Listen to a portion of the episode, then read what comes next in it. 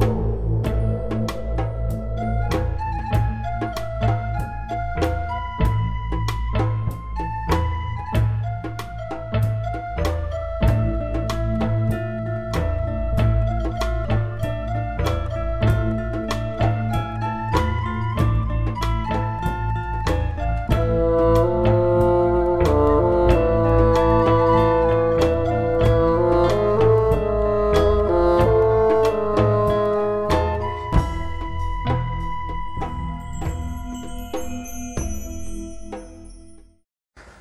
שלום לכם, שוב אתם איתנו כאן בשיחה על פרשת השבוע. לא תאמינו מה קרה, משמיים נפלה עליי זכות גדולה להיות חברותא של הרב לייטמן. שלום, כבוד הרב, מה שלומך? בסדר, נמשיך. הכל טוב? כן. אנחנו בפרשת ויצא.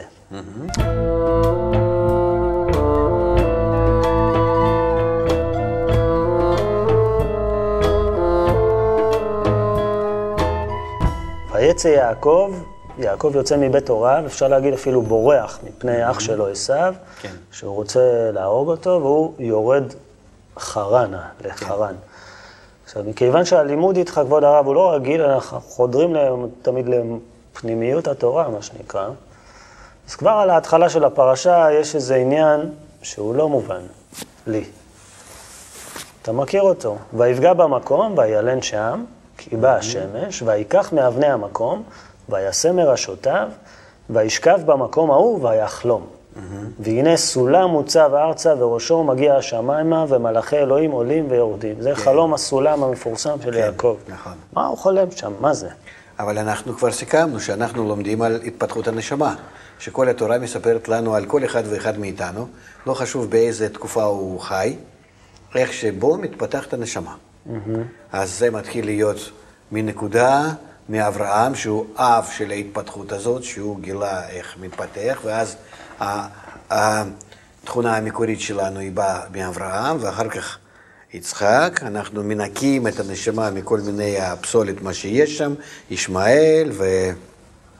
אז, אז כל המסע הזה, בייחוד בבראשית, זה מסע לזיכוך הנשמה? כן? כל התורה מספרת רק על זה. ואחר כך כשנגיע ל- אה, לקורבנות וכל הדברים האלה, אז שם בכלל, שם רק על זה מדובר בצורה נטו, בצורה עדינה ומדויקת מאוד, איך אנחנו מתקנים כל רצון וכל הכוונה שיש לנו בתוך הנשמה. רק על זה מדובר, אין בשביל מה עוד. כי יש לנו גוף, שברוך השם הוא קיים גם כך, כבהמה, ויש נשמה, אז רק על נשמה אה, יש צורך לדבר. אז, אז בעצם אה, כל פעם שאינדיבידואל כלשהו, אני, מישהו קורא בתורה, הוא בעצם... קורא הוא- על עצמו. קורא לעצמו ועובר איזשהו מסע אינדיבידואלי לזכך ולכוונן את הנשמה שלו. כן. אם באמת הוא מגיע למצב שהוא רוצה לדעת על פנימיות החיים שלו, אז כבר לאט לאט הוא מגלה שבתורה כתוב עליו, שתורה מספרת עלינו. אז אנחנו התחלנו עם אברהם, התחלנו עם אדם, אבל נגיד אברהם, יצחק, עכשיו אנחנו במידת יעקב ויעקב. שלנו, כן, ואז בתכונת יעקב הוא המגלה, השיטה הזאת, המדויקת, איך לעלות בדיוק בסולם יעקב השמיימה. המלאכים עולים ויורדים, זאת אומרת, הכוחות שאדם משתמש בהם באים ממעלה למטה אליו, היינו מהבורא אליו, וגם כן ממטה למעלה, איך הוא יכול לעלות. אה, יש וכך לזה משמעות, אז למה, למה הוא חולם את זה? למה זה לא... חולם שהוא ביום- מתנתק ביום. מהמצב שלו ועולה למצב יותר, אה, יותר גבוה, זה מצב יחסית מעורפל, כי עוד לא השיג את המדרגה הזאת, ולכן זה בא לו כך קצת בהיסח דעת. אולי, אולי בעצם חייבים היסח דעת בשביל לעלות למדרגה הזאת? נכון, במדרגה ולמדרגה, כן. תמיד, כש- לפני שאנחנו משיגים משהו, אנחנו נכנסים לאיזה מין ערפול, בלבול, ואז זה מתחיל להתברר. כיתרון אור מתוך חושך. כשאנחנו ישנים, החומר לא כל כך שולט עלינו בעצם, כן. הנשמה היא בעצם יותר חופשייה. ואז ויחלום, והוא עולה והוא רואה מלאכים עולים ויורדים, ואז הוא מתחיל להבין את העיקרון הזה, שכל השלושת הכוחות האלה, אברהם ויצחק, ימין ושמאל, כן, חסד וגבורה, מתאחדים בו ביעקב, שהוא לכן הבכיר שבאבות, וההוא מחבר את שניהם, ולכן מתגלה לו הסולם יעקב, שזה שני קווים, אברהם ויצחק, והוא היעקב באמצע, בשימוש ביניהם הנכון יכול לעלות. אתה מדבר ממש גרפית שהסולם הוא מין שני קווים וקו כן, שמחבר. סגול, במילת סגול. לכן אנחנו נקראים עם סגולה. לשון הסגול. גם קראתי איפשהו שיש סגול, זה צירוף של אה, כחול ואדום. כחול זה השמיים ואדום זה הרצפה, האדמה. כן. ואז זה גם ארץ כן, ושמיים, כמו, כמו והאמצע הסולם. ביניהם, בין שמיים וארץ, שאנחנו צריכים, לפי הנשמה שלנו, לחבר את השני כוחות האלה. כוח הבורא וכוח הנברא יחד, ואז יוצא לנו אה, יהודי, ממילה איכות, שמייחד את השני כוחות האלה. בעל הסולם, אגב, לקח את שמו מהסולם הזה. כן, כן, בגלל זה שהוא כתב פירוש הסולם על ספר הזוהר, למה זה כל כך דיבר אליו ה- כי זה כל העיקרון? של התפתחות הנשמה. שהחיבור בין שמיים וארץ. החיבור בין שמיים וארץ, ודאי שיש הרבה כוחות בטבע. האדם צריך בלימוד חוכמת הקבלה לחלק אותם לשניים, לימין ושמאל, ולבנות לעצמו את הסולם הזה ולעלות עליו. ואז הוא עולה לנצחיות, לשלמות, להכרת האלוקות, להתרומם מעל החיים האלו, לראות שני עולמות יחד. אז זה מה שיעקב מבין בהתגלות הזאת? שהוא- וזה מה שמגלה צריך- כל אחד מאיתנו שמגיע למידת יעקב. שהוא צריך לקשר בין שמיים וארץ וכל הזמן כן. לטפס לכיוון השמיים? כן, או... כן, אבל כן. גם לרדת לכיוון ה... זה כמו, גם, גם זה וגם זה כמו יופי. מדרגות נעות בקניון כזה. כן. את, את, הוא יורד מצד אחד ועולה מצד השני. ומהכף הזה ההתחלתי שלו, הוא צריך גם לרדת וגם לעלות. לכן הוא אומר, המלאכים עולים ויורדים. אז הוא כל הזמן כזה כמו גרף של אה, סינוס כזה. וכמה שיותר מתקדמים, אז עוד יותר יורדים ועוד יותר עולים. כמו שכתוב, כל הגדול מחברו, יצרו גדול ממנו. אז ככל שאתה גדול, גם הנפילה שלך יותר גדולה. נכון? אז נידונו לעשות את התנועה הזאת כל הזמן, עלייה כן, ונפילה? יש גרפים, נוסחאות, כן. ממש כן.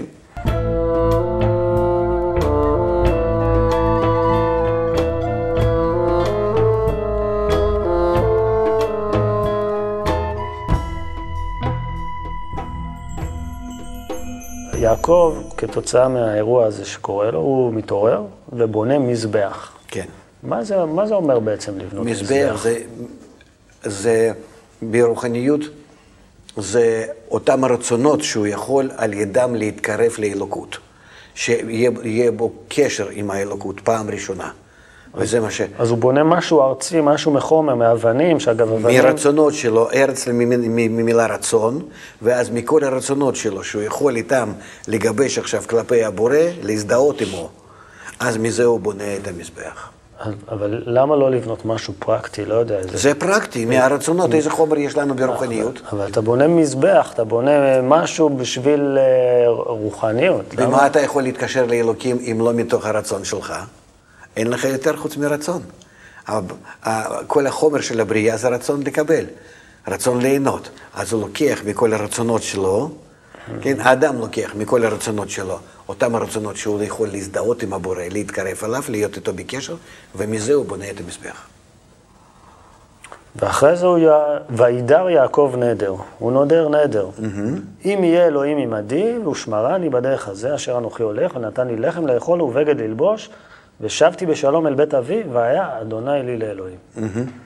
זאת אומרת, הנוסחה הזאת, לפתוח אותה זה ייקח לנו יותר זמן ממה שיש לנו. לכל הפרשה, אבל אה, זאת אומרת, הוא מבין את הנוסחה הזאת, שאיך לחבר את כל הכוחות האלו יחד עם שני הקווים, זאת אומרת, עם שני התכונות שיש בו, רצון להשפיע ורצון לקבל שיש באדם, איך לחבר אותם נכון, על ידי הכוח שמקבל מלמעלה, על ידי האלו. המלאכים שיורדים, ואז על ידי זה הוא יודע איך הוא כבר יעלה, אם יהיה אלוקים עמדי, אז אני כבר... אבל משתמע מפה שהוא עושה סוג של ביזנס עם אלוהים. אם תעשה לי ככה וככה וככה, אני אאמין בך. הוא מקבל מהבורא נוסחה, שכל הזמן ככה אנחנו שומעים מהבורא. כל הזמן ממנו אנחנו שומעים את הנוסחאות. כך תעשה ויהיה כך וכך, ואז היעקב שמגלה את זה, אז הוא...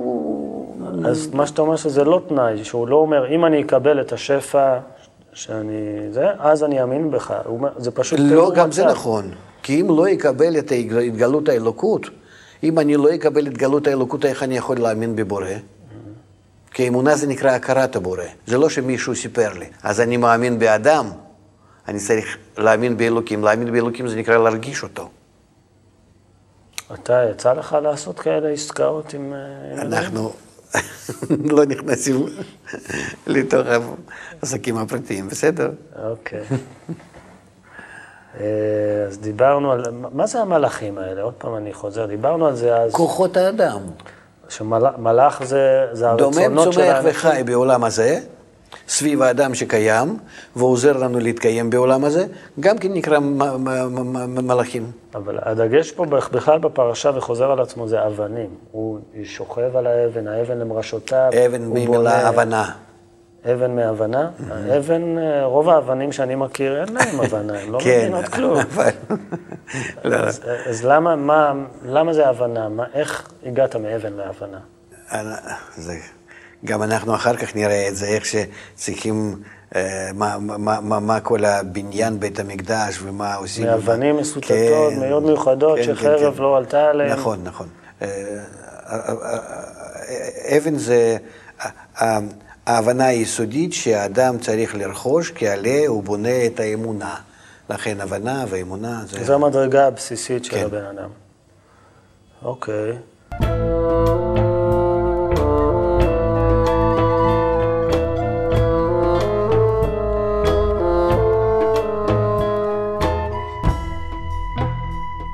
במסגרת הנדר שיעקב נודר, זה אגב, אה, מה משמעות נדר בעצם? שאנחנו אומרים, שהוא- אם יהיה ככה, נעשה ככה. הוא, זה... הוא, זה נוסחה, שמעכשיו והלאה הוא מבין שלפי הנוסחה הזאת הוא צריך להתקדם. ואז באמת הוא יגלה את האלוקים, ואם אלוקים יהיה איתו, זאת אומרת, הוא יקבל כוח להרכיב את הסולם הזה, סולם המדרגות, אז הוא יעלה באמת לבית השם. כמו שהוא כותב, המקום הזה הוא בית השם. אז במסגרת הנדר יעקב נודר לעשר את כל מה שיש לו, את כל הרכוש שיש לו, לתת מעשר, להקדיש אותו לאלוהים. מעשר זה כנגד חלק העשירי, כן. דיברנו על זה כבר, חלק המלכות, שגם כן אחר כך תרומות, מעשרות, כל ה... כל ה...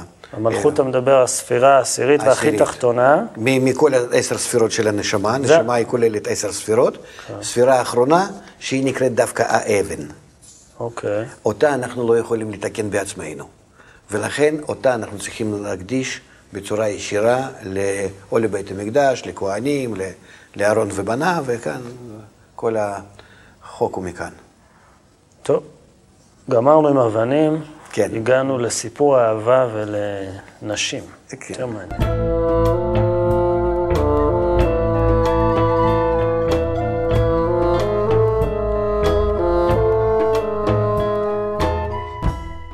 יעקב מגיע לבאר, פוגש את רחל, וישר קודם כל הוא מחפש לא רחל. מחפש את האבן. הוא עכשיו אתה כן. הדלקת לי משהו. יופי. את האבן שעל פי הבאר. שסותמת את הבאר, באר מים חיים, נכון. שהוא כבר יודע איך הוא צריך להתקדם.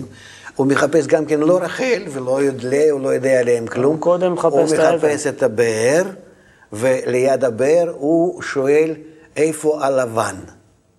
לבן זה כל האור העליון שמגיע אלינו. דווקא הלבן הרשע, הוא מסמל לנו כל האור העליון. למה שעומד, למה? כי הוא עומד כל, נגד כל הרצון לקבל הגדול שלנו, כל האגו שלנו, ואנחנו לא מסוגלים להתקשר אליו, כי הוא בא מהמשפיע ואנחנו באים מהמקבל. שני הרצונות המנוגדים זה לזה. אבל אה, בתפיסה שלי, אור, האור העליון הוא משהו טוב. למה, הוא, למה לבן? לבן הוא שיא הרשע. נראה לנו. כך, כי אנחנו לא מתוקנים, ולכן נראה לנו הוא הרשע. אז יעקב חושב שלבן רשע בגלל שיעקב אה, עצמו רשע. לבן, הרק- היעקב שעדיין לא מתוקן, אם הוא רוצה לקבל את כל מה שיש אצל לבן, ולבן זה כל האור העליון, מסמל לנו, כן? זה ממש השם שלו, לבן, זה כמו אור מסנוור כזה. נכון. אז הוא צריך לקנות מלבן את שתי הבנות שלו. גם הקטנה רחל וגם הגדולה לאה. כי בלי הבנות האלה לא יהיה ליעקב כלי קיבול לקבל את האור הזה מלמעלה. זה מה שמסמל לנו כל הסיפור הזה. אוקיי, אז הוא גולל את האבן מפי הבאר, כן. שזה גם, כל הרועים לא יכלו לגולל אותה, הם היו צריכים ביחד, והוא בא עם הזרת, מה שנקרא, כי יש לו מטרה בזה. כמו סופרמן. כן. אה, ואז- הוא גולל את הבאר, זה עוד פעם, אתה אומר, זה מסמל סוג של הבנה. גולל את אבן הבאר, אבן זה הבנה. כן. פוגש פוג- את רחל. פוגש את רחל, וישר מנשק אותה. קצת, קצת לא מובן לנו. ויגש יעקב, התורה זה פ- לפעמים מספרת לנו על דברים מאוד כאלה מוזרים, כן? כן, זה- זה זה פסוק שאני קודם מאוד כל אוהב. יכול להיות, על פי פשט, יכולים לספר שבגלל שהם קרובים, סך הכל, אה, כן? על פי אבל- הפשט במנהגים שלהם, היו רוצחים אותו, רק הוא היה מחייך לבחורה. הזאת. כן. והוא מנשק אותה בלי להציג את עצמו אפילו. כן, נכון. כי ה- יש חיבור בין שני הכוחות, בין זכר ונקבה, בין משפיע ומקבל בתוך הנשמה, שנקרא זיווג, נשיקין וחיבוק. יש סוד הנשיקין. מה כן. זה סוד הנשיקין בדיוק? נשיקין זה רוחה ברוחה, פה אל פה. סוד הנשיקה, שנשיקה פה אל פה. כן, שאדם אחד מוסר לאדם שני את, את, את, ה- שהם מתחברים ברוח, ב- ב- בדרגת רוח. יש דרגות, חמישה דרגות, נפש, רוח, נשמה, חיה יחידה. אם מתחברים בדרגת רוח, זה נקרא שמתחברים בדרגת הנשיקין. זה אותו- מנשקים כאילו, איפה שכתוב בתורה מנשקים, זה... זה חיבור רוח ברוח, כן. זה איחוד. כן. ויש עוד... יש עוד חיבוק, חיבוק ימין ושמאל, כמו שכתוב בשיר השירים, ראשו תחת הראש, אה, הראשי וימינו יחבקני. תחבקני, כן. כן. חיבוק שמאל, יש גם לא כן. ימין, תמיד אני מתבלבל בפסוק הזה. יש חיבוק שמאל ויש חיבוק ימין. ו, ויש גם כן זיווג די יסודות, זה זיווג הגופני זה נקרא, שזה בדרגה נמוכה יותר, ברצון לקבל הגדול יותר. אז יש חי- חיבוק, אחר כך נשיקה ואחר כך זיווג. שלושת דרגות ההתחברות. בהתאם לזה, בעולם שלנו גם כן יש אותן דרגות ההתקרבות זה לזה. אוקיי, ואנחנו מגיעים לפסוק אחד היפים בעיניי בתורה.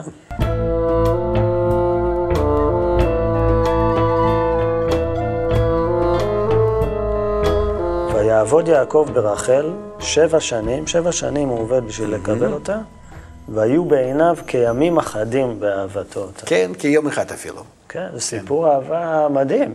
כי אני אגיד לך, אה, הוא מרגיש שאם הוא יקבל את רחל בתור הכלי שלו, בתור הרצון המתוקן שלו, אם לא מדברים על שני גופות, מדברים על האדם שעכשיו מתקן את הרצון לקבל שלו, שנקרא יעקב, שחסר לו לגדול כדי להכיר את האלוקות, כדי לגלות את העולם הרוחני, אז הוא יודע שהרצון חסר לו, יש לנו רצונות קטנים לעולם הזה בלבד.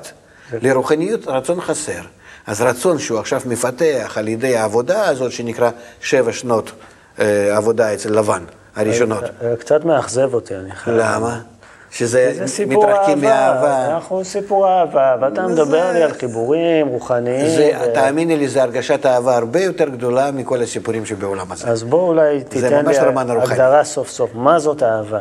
אני לא יודע, מה זאת אהבה זה נקרא שאתה מתעלה מעל האגו שלך, מפסיק לדאוג לעצמך, מרגיש את הזולת, מרגיש רצונות שבתוך הזולת, ודואג לרצונות ההם, איך למלות אותם, מה הוא, ממה הוא סובל וממה הוא נהנה. ואתה עובד עם כל הגוף שלך רק כדי לספק לו את מה שהוא רוצה. זה נקרא לאהוב את הזולת. אז כל קשר בין זה ובין מה שאנחנו מכירים כהתאהבות, לא, אצלנו זה אהבת דגים, מה שנקרא. ש... שאני אוהב דגים. מאוהב בדגים. כן. ש- מקובלים מתאהבים לפעמים, או שזה לא... במה מתאהבים? יש, אהבה, בדרך אהבה כלל. בעולם שלנו, אהבה בעולם שלנו לא נמצאת, זה לא נקרא אהבה. אה, כן? אהבה היא רק אם אתה מתעלה מעל האגו שלך, זאת אומרת, בעולם שלנו אין דבר כזה שאדם מתעלה מעל האגו שלו. אז איך אתה בא- קורא ל... בעולם שלנו אנשים מספקים כל מיני הצרכים זה לזה, ולכן נקרא שהם אוהבים זה לזה. זאת אומרת, הם לא אוהבים האישיות של אדם, הם אוהבים את השימוש בשני. אז איך אתה... ואולי זה נסתר מהם, אבל זה כך. אז מה, איך אתה קורא לתופעה הזאת שבחור צעיר נדלק על בחורה צעירה? זה לא התאהבות? מה זה? נו, כשאני הייתי ילד, כן. בגיל 11-12, האימא שלי היא הייתה עוסקת במחקר גנטי, אז היא סיפרה בבית לאבא אה, איך היא עושה שם זריקות הורמונים ואנשים, איך שהם משתנים בהתאם לזה וכן הלאה. זה היה לפני אה, 50 שנה, אפילו יותר. שאני הייתי נגיד בן עשר, אפילו יותר, יותר מ-50 שנה. אז אני שאלתי אותה ככה שאני שמעתי, אני אומר, אמא, יש כזאת זריקה שהאדם יאהב את השני? זאת אומרת שאפשר שבחור יאהב את הבחורה? היא אומרת, ודאי שכן. אנחנו עושים זריקת הורמונים ומתקנים בזה רצונות של הגבר, וגם כן רצונות מצד האישה. ואני התפלאתי בתור ילד, אז זה היה, אתה מבין, שנות החמישים מהקודם. זה יכול להיות דבר כזה, אהבה, ולילד בן 11, נדמה לי. כן? איך יכול להיות דבר כזה? אבל זה באמת כך. לכן, אה, אהבה אצלנו זה נקרא אהבת דגים. אני אוהב משהו, איזשהו אובייקט, לא חשוב מה, שממלא לי את הרצונות. ולכן זה נקרא אגואיסטית. ואהבה אמיתית זה דווקא להתעלות. ההפך, ואהבת לרעך כמוך, זה נקרא אהבה. Okay. אוקיי. שאני לומד איך שאני אוהב את עצמי, לצאת מעצמי ולאהוב את הזולת. אוקיי, okay, אז אנחנו... יעקב, מאוהב ברחל, לא יודע איך תקרא לזה, נדלק, הורמונים, לא יודע, אבל לא. הוא לא מצליח... הוא צריך את הרצון הזה הגדול להכרת האלוקות. בכל מקרה, הוא רוצה להתחתן עם רחל. כן. לבן מרמה אותו, מביא לו בהפתעה מתחת, ל... בלילה הראשון שאנחנו... הוא מקבל את לאה. עושה מי... נכון מאוד. הוא עושה בצדק? עושה, עושה בצדק. אתה בעד לאה בסיפור הזה? אני מצדיק אותו במאה אחוז. כי אם יעקב היה רוכש רק את הכלי הקטן הזה שנקרא רחל, היה נשאר עם זה קטן.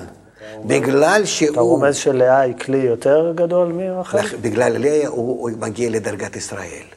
לא, יעקב זה, זה קטן, ישראל זה גדול. יעקב עם רחל, ישראל עם לאה.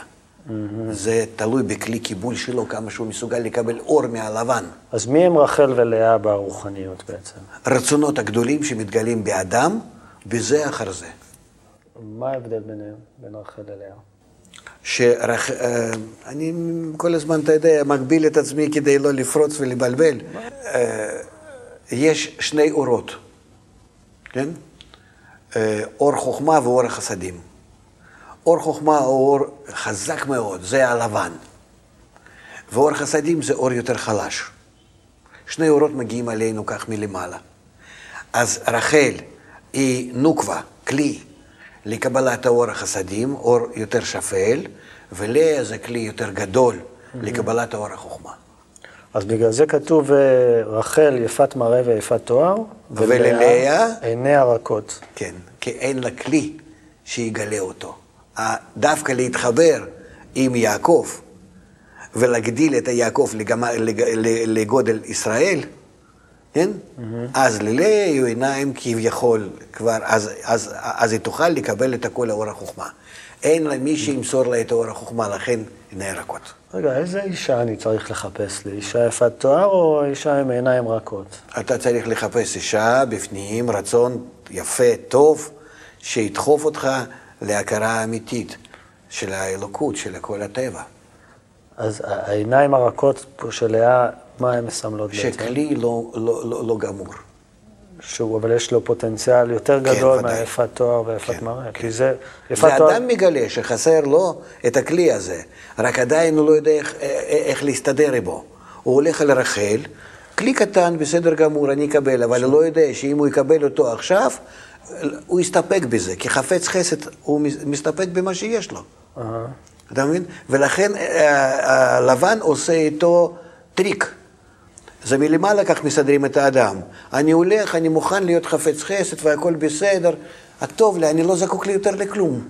אבל יש לפניי עוד מה להשיג, להשיג משהו, ואין לי חיסרון, מה עושים? אז מלמעלה מסדרים אותנו ככה בדרך ההתפתחות הרוחנית, שמכניסים לנו במקום רחל, כן. לאה. לפי מה שאתה אומר, לבן הוא צדיק הדור, הוא עשה. רשע כתוב. כתוב רשע, אבל אתה אומר, הוא סידר ככה, שבזכותו אנחנו... אתה רואה עד כמה שקשה להבין תורה. Mm-hmm. כן, כי אנחנו מבינים אותה מהחיסרון שלנו, מהקלקול שלנו לתיקון.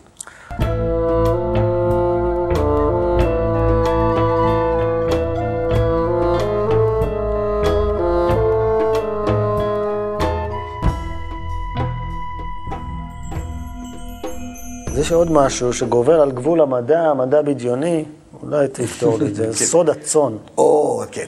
בוא, בוא נספר לצופים מה זה סוד הצאן. לבן, הצדיק, לשיטתך, מרמה את יעקב על ימין ועל שמאל, נותן לו את לאה במקום את רחל, מעביד אותו במחירים מתחת למינימום, עד שליעקב נמאס, הוא אומר, אני רוצה ללכת, את השכר שלי תיתן לי בצורת צאן, כל הצאן הלבן שנולד מעכשיו והלאה, אה, סליחה, כל הצאן התלו. לבן שלך שם, או שחור, לא חשוב. הצאן הלבן של לבן, הצאן התלו עם המפוספסים והצורות, כן, כן. שלי, של יעקב. כן. לבן הערמומי ישר לוקח את כל הצאן הלבן. ו- אה, לא, יעקב עובד על זה, הוא כן, ממש כן. עושה כאן שכפול גנטי, משהו מאוד אז איך הוא מיוחד. עושה? איך הוא עושה? תוך זמן קצר יש לו עדר מטורף של... אה, הוא מרבה עיזים כמו, כמו שפנים שם. כן, זה אנחנו לומדים, ועולה על הצאן עקודים, נקודים ורודים. זה שלושת העולמות. עולם העקודים זה עולם הכי עליון, נקרא אדם קדמון. נקוד, אה, אחר כך בא עולם הנקודים, ששם זה הייתה שבירת הכלים, שבירת הנשמה, ואחר כך ורודים זה עולם אצילות. שזה עולם שמנהל אותנו, כל החיים שלנו. אנחנו נמצאים תחת המערכת הזאת, שנקראת עולם האצילות. אז יעקב, עכשיו, אחרי שיש לו את הכלים האלו עם לאה ועם רחל, עם זה שהוא כבר יש לו בנים, הוא כבר נעשה גדול. עכשיו הוא כבר יכול לסדר עם הכלים האלו, כל הצורות האלו, שלהכנת להכנת הנשמה אה, המתוקנת. וזה מה שהוא עושה. אה, זאת אומרת, כל השכפול הזה, מה שהוא עושה עם צאן, צאן זה נקרא כל הרצונות אה, שלו שהוא הולך עכשיו לתקן. הוא מברר את הרצון. אותם. צאן זה רצון, בדיוק, הוא מברר אותם. ומברר, נכון.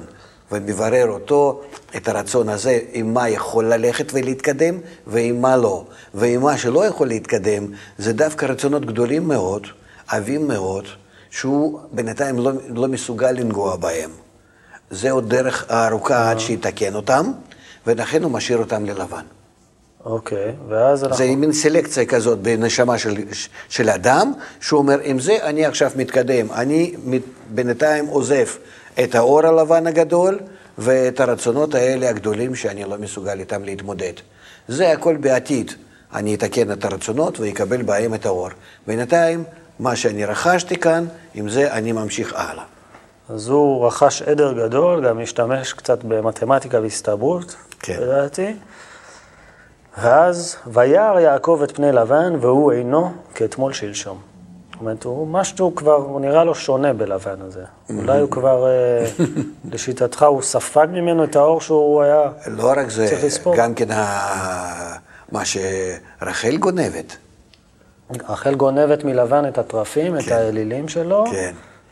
ויחד הם אורחים. מה, במה מסמלים התרפים? זה, אחר כך אנחנו נראה אותם בעתיד. אבל זאת אומרת, היא מושכת מהלבן איזה קשר לדרגה עוד יותר עליונה מהלבן, כי זה אלילים של הלבן, כן? כדי שאחר כך יהיה אפשרות לתקן את כל האור שיוצא מהלבן ולקבל אותו אה, בכלי של יעקב. אז היא עשתה טוב בזה שהיא גנבה כן, פסלונים. אבל אנחנו צריכים להבין שיש בכל המערכת הזאת, שאדם עומד מול הבעיה והוא לא יכול להתגבר עליה. אז יש כאן כמה מערכות אלטרנטיביות שמכינות אה, את, ה, את האדם לזה. כמו שבחיים שלנו. אנחנו עושים משהו, פתאום אחרי כמה שנים אתה מגלה למה זה קרה לי, עכשיו אני מבין ו, ו, ומה יצא מזה. אפשר להגיד שרחל גנבה את הפסלונים. אתה מכיר שיהודים באים למקום, לבתי מלון, הם לוקחים קצת מגבות, קצת מאפרות, לא, זה, מזכרות. זה דבר מאוד גדול. כי גם ללבן, שהוא מדרגה גדולה מאוד, זה אור אב בעולם העליון, אור חוכמה בעולם העליון שנקרא עקודים, זה הלבן, הלובן עליון מסמל לנו. אז מסמל על דרגה שלו, שהוא אור החוכמה, מדרגת חוכמה. וה, והתרפים האלו מסמלים דרגת כתר, שלמעלה ממנו. והיא גונבת את זה כדי שיעקב פעם, שיתקן את עצמו, ילך עוד יותר למעלה מהלבן הרשע.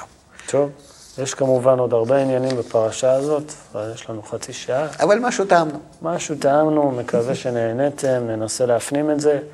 להתראות בשבוע הבא.